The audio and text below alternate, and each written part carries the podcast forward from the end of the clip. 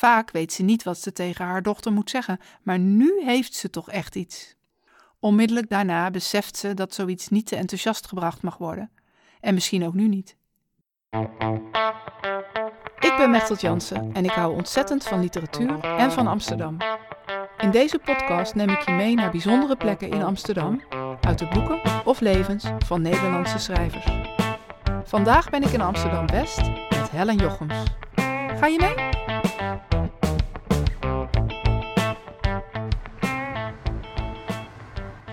Komen net uit het Vondelpark. We zijn door de Vondelstraat gelopen en eh, we staan in het zonnetje van een grote straat. Waar zijn we? We staan nu op de Overtoom. We staan hier omdat dit de plek is waar het boek Dorst van Esther Gerritsen begint. In het boek komt een hoofdpersonage, Elisabeth, uh, uit de apotheek. En ze wil de Overtoom oversteken. Uh, en ze ziet haar dochter fietsen. En ze heeft niet zo'n heel makkelijke band met die dochter. En dat wordt meteen duidelijk als je het stukje hoort. Oké. Het is de eerste keer in haar leven dat Elisabeth haar dochter onverwachts treft. Ze komt van de apotheek op de Overtoom, wil net oversteken naar de tramhalte, als ze haar dochter ziet fietsen aan de andere kant van de straat. Haar dochter ziet haar ook. Elisabeth staat stil. De dochter stopt met trappen, maar remt nog niet. De hele Overtoom zit tussen hen in. Twee fietspaden, twee rijbanen en een dubbele trambaan. Elisabeth weet meteen dat ze haar dochter moet vertellen dat ze doodgaat en ze lacht, als iemand die van plan is een grap te vertellen. Vaak weet ze niet wat ze tegen haar dochter moet zeggen, maar nu heeft ze toch echt iets. Onmiddellijk daarna beseft ze dat zoiets niet te enthousiast gebracht mag worden, en misschien ook nu niet. Ondertussen steekt ze de overtoom al over en denkt aan haar huisarts, die al maar vraagt: Deel je het wel met mensen?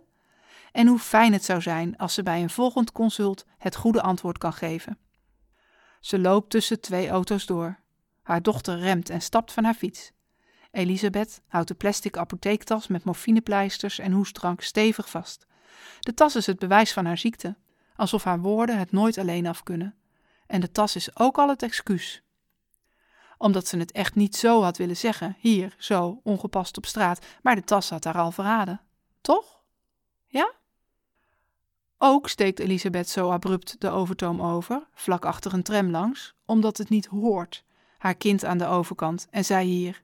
Een dochter hoor je niet onverwachts te treffen. Wat ongemakkelijk, maar toch ook heel grappig.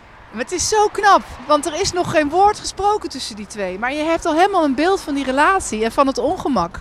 En ja, wat ik, wat ik altijd zo knap vind van Gerritsen is dat ze personages weet te maken die, die gewoon ja, best wel heel raar zijn. Die best wel op hun eigen manier een, een typische kronkel hebben. Die je niet herkent bij een ander. Maar die je toch je helemaal voor kan stellen. Dat iemand zo denkt en zo in elkaar zit. Het is echt heel knap hoe ze dat doet. Nou, en dan het gesprek gaat dan verder hè, en het gaat ook echt heel ongemakkelijk. Sorry, zegt ze. Ik breng het helemaal verkeerd. Het is niets leuks. Wat dan? Maar ik wil ook niet dat je het te zwaar opvat. Langzaam tilt ze haar plastic apotheektas omhoog. Met twee handen houdt ze de tas voor zich, het logo duidelijk zichtbaar. Jij zult wel denken: waarom is ze niet op haar werk? Haar dochter kijkt niet naar de tas. Wat? Ik kom net van de apotheek. En? Het is de dokter, hij zegt het. Ze laat de tas zakken. Wat zegt de dokter? Dat ik het moet delen. Wat, mama? Dat ik misschien doodga, maar we weten niet wanneer hoor. Het kan nog maanden duren. Doodga? Vanwege de kanker. Kanker? Dat is maar een verzamelnaam voor heel veel ziekten eigenlijk. Het klinkt alleen zo akelig. Het gesprek gaat dan nog even door in grote vaagheid. Nog steeds, nog steeds op de overtoop, tussen het verkeer, in alle drukte. Ja, en de toon is meteen uh, gezet. Deze moeilijke moeder-dochterrelatie die uh, wordt verder uitgewerkt. Want wat er gebeurt. Uh, de dochter, Coco, die ehm, trekt bij haar moeder in, haar stervende moeder. Ehm, in een huis hier ergens in Amsterdam West. En we weten niet precies waar, dat, staat niet precies omschreven. en ja, je zou denken, nou, uh, nu zijn alle lijnen uitgezet om moeder en dochter zich met elkaar te laten uh, verzoenen. En aan het einde van het leven van de moeder meer begrip voor elkaar te laten krijgen. Ja. Maar het is Esther Gerritsen, dus uh, zo'n zoet verhaal zit er dan natuurlijk vervolgens niet in. Kun je een klein beetje verklappen welke kant ze dan wel op gaat? Ja, ik wil niet het hele boek navertellen, want dat, dat vind ik dan ook weer niet zo leuk. Maar um, waar het om gaat is de manier waarop uh, mensen um, een band proberen te smeden met elkaar. En wat daarbij vreselijk in de weg staat. En hoe, hoe er voortdurend toch onvervulde behoeftes zijn. Hè? Misschien verwijst de titel Dorst daar ook wel naar. Ja, waar je er maar mee te doen hebt. Um, voor de moeder Elisabeth uh, is het moederschap altijd iets heel ja, dubbels geweest. Het is echt niet dat ze niet van haar dochter hield. Maar tegelijkertijd vraagt het moederschap nogal wat van je. Uh, zij is iemand die het eigenlijk makkelijker vindt om zich te verbinden met dingen, met meubels, met ambachtelijk gemaakte voorwerpen. Ze is dan ook een kei in haar werk, ze is lijstenmaker, niemand kan het zo goed als zij. Uh, maar zo'n kind, zo'n dochter, ja, die, die besmeurt dingen. En dat vindt zij heel moeilijk om daarmee om te gaan. Zij heeft dat toen uh, Coco klein was zelfs zo moeilijk gevonden dat ze daar een eigen oplossing voor had bedacht. Maar op een dag was Elisabeth al moe om drie uur s middags. Ze keek weer eens roerloos toe hoe Coco met platte hand de ranjaplassen uitwreef over dezezelfde keukentafel waar ze nu aan zitten en daarbij kreunde op een hoge, zangerige toon, alsof ze er ook zelf onder leed en hoopte dat iemand haar zou verlossen van deze activiteit. Toen begreep Elisabeth dat haar dochter geen genoegen schiep. Ze schiep überhaupt niet. Ze besmeurde, brak en scheurde. Als dit gedrag haar dochter zo weinig geluk bracht en het voor haar zoveel zou opleveren wanneer het kind ermee stopte, dan was het redelijk om te eisen dat haar dochter haar gedrag zou aanpassen. Op zijn minst zou ze het kunnen beperken tot één kamer. Ruim voor het kind twee jaar oud was, sloot Elisabeth het al op alleen in de kinderkamer. Het huilde niet harder, nog langer dan wanneer het bij de moeder was. Dat had Elisabeth bijgehouden.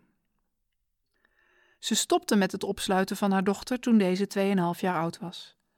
Omdat Elisabeth wist dat een mens vanaf die leeftijd zich later dingen kan herinneren die het meemaakt.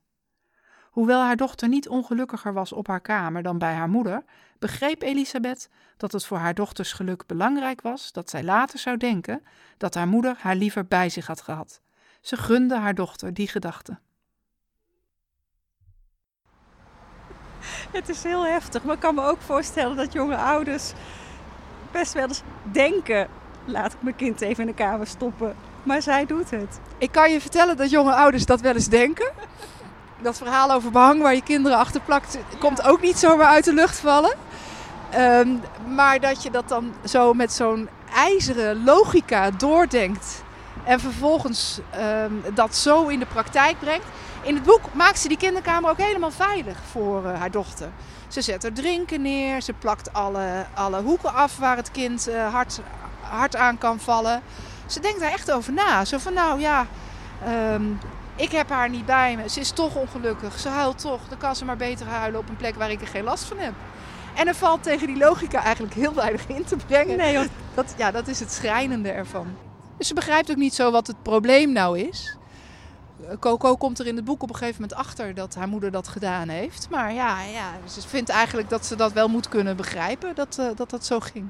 En hoe het ook, hè? om dan te zeggen, ja, als een kind 2,5 is, dan komen de eerste herinneringen. Dus ja, ja, dan moet ik er weer uit de kamer halen. Ja, maar op een zekere manier ook liefdevol. Want je, je doet het kind wel wat aan, maar je, je wil haar echt geen schade berokkenen. Terwijl uh, Coco als volwassene, en dat is de andere betekenis van dorst, um, een onverzadigbaarheid over zich heeft. Uh, in, in drank, in eten, in seks, in um, het, het, het, naar zich toetrekken van mensen omdat het zo prettig is als die op een bepaalde manier op haar reageren. Uh, ja, die je toch wel heel erg makkelijk kunt zien als een uitvloeisel van dit soort verwaarlozing. Ja, en ik, ik zei er net al, er komen allerlei herkenbare plekken uit Amsterdam-West voorbij. Ehm, een paar keer ook, ook eh, winkels of horeca gelegenheden die bij hun echte naam worden genoemd. Bijvoorbeeld de snackbar. Ehm, direct na deze ontmoeting op de Overtoom gaat Coco eh, raspatat eten bij een bepaalde snackbar. Bij De Vork. De Vork bestaat nog steeds, die heet nu de Corner Inn. En er is een eh, bekende boekhandelaar uit de Kinkerstraat die echt een, ehm, een cameo heeft in, ehm, in het boek. Oké. Eventjes, eventjes opduikt. Eh, dat is Ilke van de boekhandel Hoogstins. Dan lopen we daar even naartoe.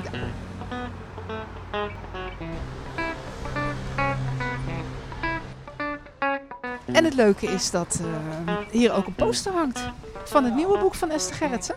De terugkeer. Laten we even naar binnen lopen. Hallo. Hallo, hij zit hier eh, tegenover me. Ehm, en eh, in het stukje tekst, eh, ja, het is heel kort. Ehm, Ja. Wordt eigenlijk alleen even gezegd dat Hans, de vriend van eh, Coco, koffie drinkt met eh Ilke. En ik ben eigenlijk heel erg benieuwd, eh, hoe zit dat? Ja, dat is gewoon conform de waarheid. Esther die woonde hier vroeger in de buurt met haar toenmalige echtgenoot. En dat was een klant, of ze waren, zij waren allebei klant. En op een gegeven moment, ja, dus was dat zo zaterdagsmorgens kwamen die gewoon koffie drinken. Weet je wel, om een uur of half elf.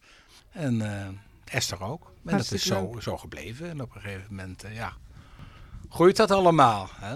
Ja, en was het eh, leuk om dat zo in het boek te Ja, op een gegeven moment had het ook niet gezegd. Dus op een gegeven moment eh, las ik dat boek. Ik dacht van, hè? Dat is wel heel geestig, ja, heel leuk. Ja, ja superleuk lijkt me dat, om jezelf zo in Ja, één keer ja, tegen ja. te En komen. op een gegeven moment hoorde het ook van andere mensen dan weer die het gelezen hebben. Hé, ja, in een boek en zo. En, nee. Ja, ja. Heel leuk.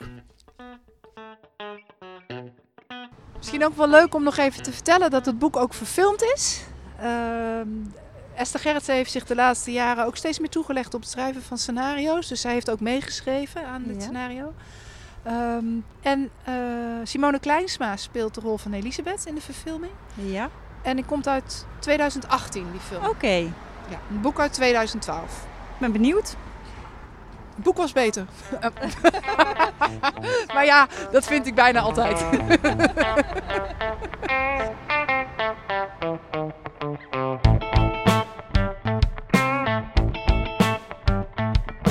Je luisterde naar Boeklovers Podcast, een podcast over de stad, zijn schrijvers en hun boeken. Met speciale dank aan Boekhandel Hoogstins op de Kinkerstraat. De muziek was van Orbiter. Vind je deze podcast leuk en wil je meer horen? Abonneer je dan via je favoriete podcast-app en laat een review achter, zodat andere liefhebbers hem ook kunnen vinden. Ik ben Mechtels Jansen en ik maak deze podcast samen met Helen Jochems en Marielle van Tilburg. In de volgende aflevering hebben we iets heel bijzonders. Dan wandel ik met Diana Chin door het decor van haar roman.